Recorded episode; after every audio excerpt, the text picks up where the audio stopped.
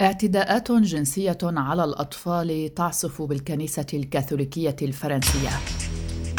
في حلقة اليوم من بودكاست في عشرين دقيقة معي براء صليبي سنتحدث عن صدمة كبيرة فور صدور تقرير لجنة تحقيق مستقلة نشرت نتائجه الثلاثاء الماضي الانتهاكات الجنسية على الأطفال أحدثت هزة عصفت بالكنيسة الكاثوليكية في فرنسا بعد سلسلة فضائح مماثلة حول العالم خلال السنوات العشرين الماضية.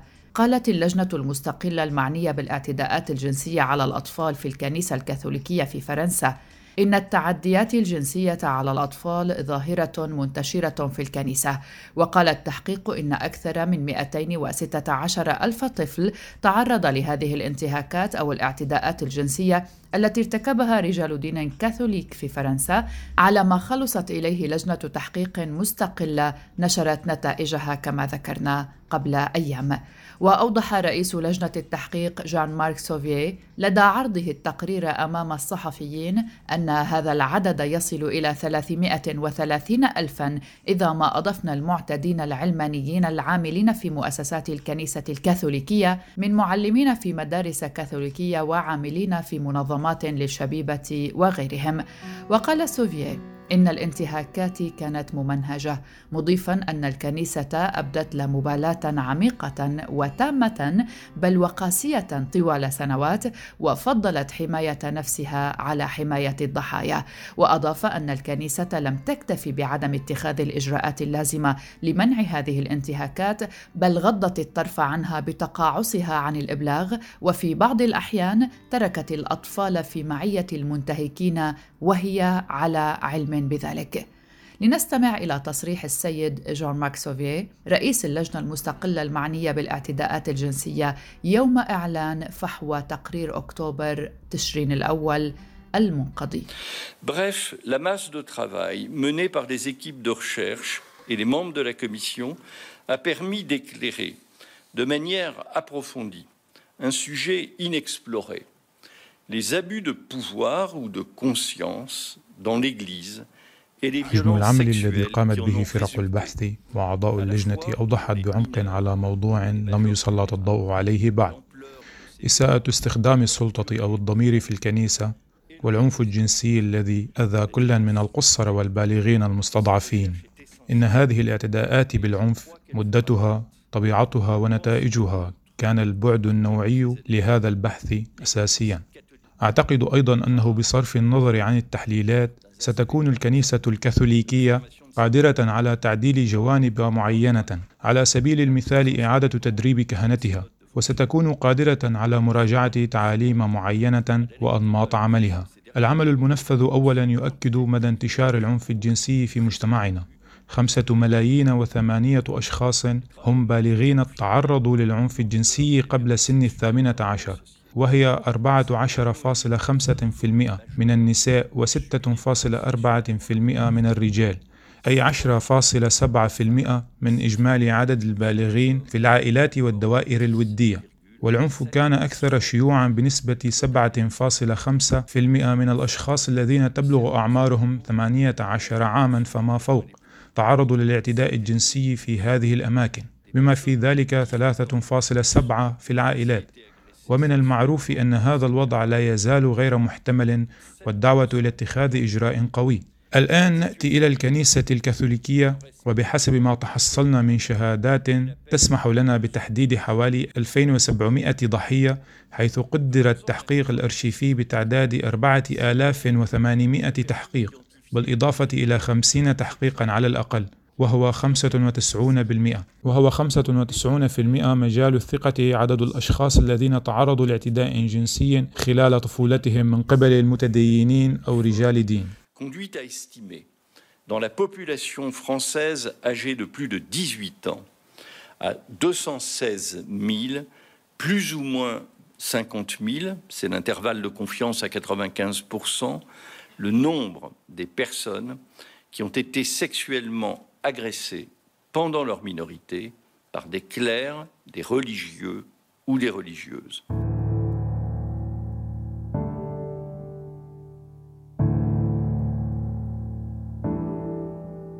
من جهتها أعربت الكنيسة الكاثوليكية الفرنسية الثلاثاء الماضي عن شعورها بالعار والهول بعد صدور التقرير طالبة الصفح من الضحايا.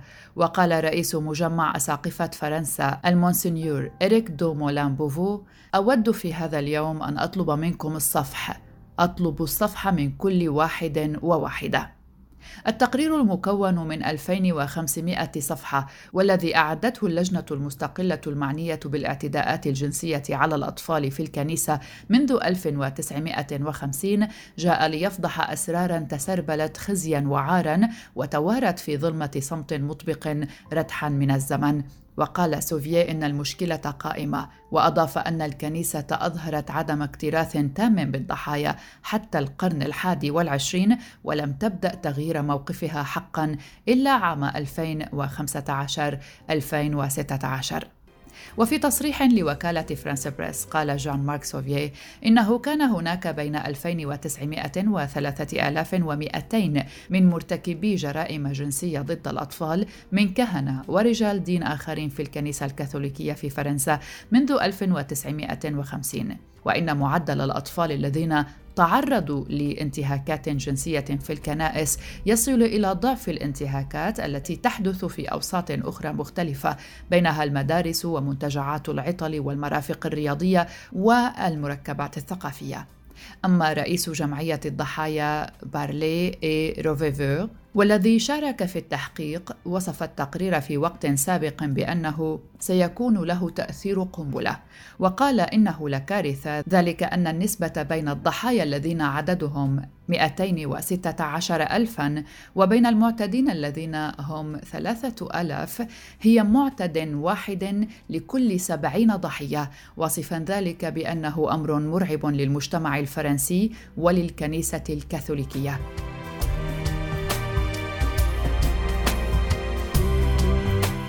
كانت اللجنة المستقلة قد أنشئت في خريف العام 2018 وضمت 22 عضوا متطوعين ويتمتعون بمهارات تطال مجالات كثيرة كالطب والقانون وعلم النفس وعلم الاجتماع والتعليم وحماية الطفل والتاريخ والعلوم الاجتماعية واللاهوت وغيرها. وقد استمعت اللجنة خلال عامين ونصف العام إلى الضحايا والشهود كما اطلعت على أرشيف الكنيسة وتقارير ومحفوظات قضائية وأمنية وإعلامية وضعت منذ خمسينيات القرن الماضي.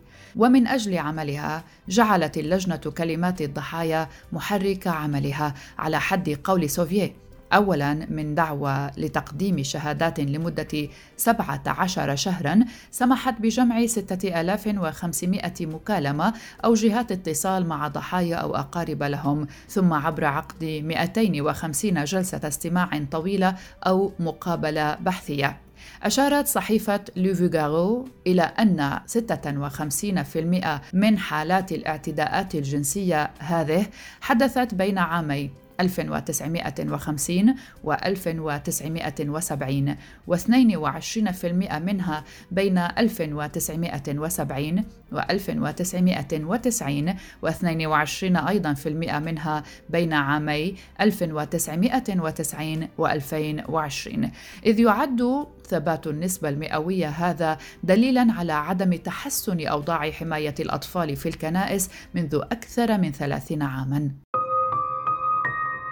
بعد وضع تقاريرها تضع اللجنة لائحة تضم 45 اقتراحا تتطرق إلى مجالات عدة مثل الاستماع إلى الضحايا والوقاية وتدريب الكهنة والرهبان والقانون الكنسي وتغيير إدارة الكنيسة وستوصي أيضا بسياسة اعتراف وتعويض. تمتلك الكنيسة الكاثوليكية سجلا حافلا بكثير من الانتهاكات التاريخية بحق المنتسبين لها أو المذاهب المسيحية الأخرى مثل حربها التي استمرت مدة ثلاثين عاما حيث بدأت كحرب دينية بين الكاثوليك والبروتستانت ثم انتهت كصراع دموي على السلطة والنفوذ في أوروبا. دام ثلاثين عاما وخلف أكثر من ثمانية ملايين قتيل. وتعتبر قضية الاعتداء الجنسي من أكثر القضايا التي تثير الرأي العام لدى أتباع الكاثوليكية وتعتبر من أكبر التحديات التاريخية التي تواجه الفاتيكان منذ عشرات السنين إلى يومنا الحاضر. ووفقا للعديد من التقارير الحقوقية قدر عدد ضحايا الاعتداء الجنسي الذي نفذه قساوسة الكنيسة الكاثوليكية بالآلاف، لا سيما من الأطفال والراهبات، حيث قال تقرير جون جاي المنشور في عام 2004 بعد دراسة معمقة أجراها في الاتهامات وعددها حصل على رقم 10667 حالة اتهام موجهة ضد 4392 من القساوسة. المتهمين بالتورط في الاعتداءات الجنسية على الأطفال بين عامي 1950 و 2002 وفي سنة 2019 اعترف بابا الفاتيكان فرانسيس بعد سنوات من التجاهل والتكتم بارتكاب رجال دين في الكنيسة الكاثوليكية باعتداءات جنسية على راهبات في العديد من الكنائس. وأنه في إحدى الحالات تم احتجاز راهبات كعبيد جنس ويعتقد أن هذه هي المرة الأولى التي يعترف فيها البابا فرانسيس بتورط رجال دين في الاعتداء الجنسي على الراهبات وذلك حسب ما نقلته قناة بي بي سي البريطانية. أضاف أيضا خلال تصريحاته أن سلفه البابا السابق بنديكت أجبر على إغلاق المجمع الذي وقعت فيه الاعتداءات الجنسية للكهنة على الراهبات وأن الكنيسة كانت تحاول معالجة المشكلة لكنه أقر بأن الانتهاكات ما زالت مستمرة واعترف بأن الكهنة والأساقفة قد أساءوا معاملة الراهبات لكنهم قالوا إن الكنيسة كانت على علم بهذه القضية وتعمل على حلها. وأضاف أنه طريق كنا نسير عليه وتابع كان لدى البابا بندكت الشجاعة لحل الإبراشية التي خدمت فيها الراهبات بسبب استعبادهن حتى وصل الأمر إلى الاستعباد الجنسي من رجال الدين. ونقلت القناة البريطانية عن بابا الكنيسة فرانسيس قوله إن الاعتداء الجنسي على الراهبات كان مشكلة مستمرة لكنه حدث إلى حد كبير في تجمعات معينة بعضها جيد وقد صرح في وقت سابق أليساندرو جيسوتي عضو المكتب الصحفي للفاتيكان بأن المكان المذكور الذي وقع فيه التحرش كان مقره فرنسا.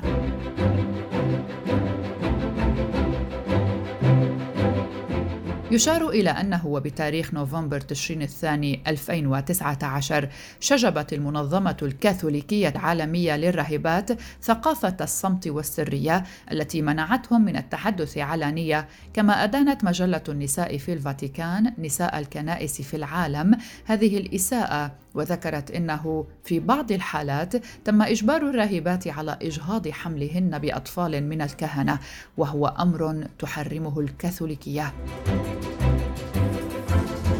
تعويض الضحايا خسائر فادحة.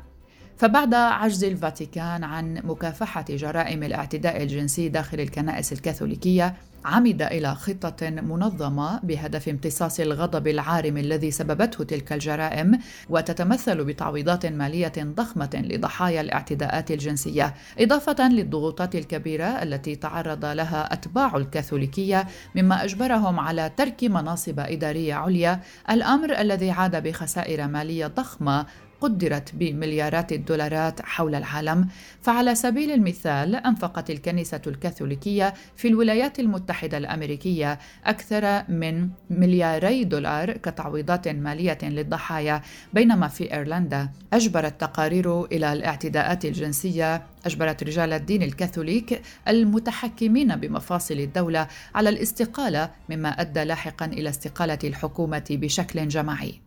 إضافة إلى الاستهانة بحرمة الكنائس، ظهرت في كنائس أوروبا مؤخرا العديد من الظواهر المسيئة فبعد ظاهرة الاعتداء الجنسي التي حسمها تصريح البابا فرانسيس خرجت للعلن ظاهرة جديدة من نوعها وهي تصوير مشاهد جنسية لأفلام إباحية داخل الكنائس وتهاون القضاء الأوروبي في التعامل مع مثل هكذا انتهاكات ما أثار موجة من الغضب العارم في المدن الأوروبية. وعلى سبيل المثال رفض القضاء الهولندي دعوى رفعتها كنيسة في مدينة تيلبورغ الهولندية ضد منتجي أحد الأفلام الإباحية وذلك بعد تصوير مشاهد جنسية داخل غرفة الاعتراف بأحد الكنائس. وبرر القضاء سبب رفضه للدعوة بالرغم من وصفه للفيديو بأنه مسيء لأنه نشر في وقت تم فيه إيقاف العمل بالقوانين التي تجرم التجديف في هولندا. تضاف فضيحة الاستغلال الجنسي للراهبات إلى فضيحة عالمية أخرى سببت صدمة كبيرة في الأوساط الدينية المسيحية حيث تم الكشف عن حالات عديدة من التحرش بالأطفال من قبل رجال الدين في الكنيسة الكاثوليكية في الولايات المتحدة. ومطلع العام الحالي أكد البابا فرانسيس أن مصداقية الكنيسة الكاثوليكية في الولايات المتحدة تضررت من فضيحة الانتهاكات الجنسية بحق الأطفال وأشار تقرير أصدرته لجنة بولاية بنسلفانيا إلى وجود أكثر من ألف ضحية للانتهاكات الجنسية من قبل مئات القساوسة خلال سبعة عقود في هذه الولاية. وفي يوليو تموز الماضي وافق البابا على استقالة الكاردينال ثيودور ماكاريك أحد أبرز الشخصيات الكنسية الأمريكية بعد اتهامه بارتكاب انتهاكات جنسية بحق مراهق. وفي ديسمبر كانون الأول الماضي حث البابا حث القساوسة مرتكبي هذه الاعتداءات على تسليم أنفسهم للعدالة قبل مواجهة العدالة السماوية. لكن منتقدي البابا يرون أنه لم يقم بما هو كاف لمحاسبة من طمس الجرائم. وأكدت صحيفة واشنطن بوست أن على الفاتيكان أن يقدم أكثر من مجرد أفكار وصلوات لوقف الفضائح الجنسية المتتالية بدءا بتغيير آلية محاسبة الاساقفه المتورطين بالفضائح أو المتواطئين معهم بالتغطية على تلك الجرائم. ودعا الفاتيكان إلى اجتماع رؤساء اتحاد الأساقفة الكاثوليك في العالم أي قرابة 130 اسقفا دعتهم في روما من الحادي والعشرين إلى الرابع والعشرين من فبراير شباط لمناقشة سبل التصدي لهذه الجرائم لكن منظمة مساءلة الأساقفة الأمريكية لا تتوقع أن ينتج عن هذه القمة إصلاحات كبيرة.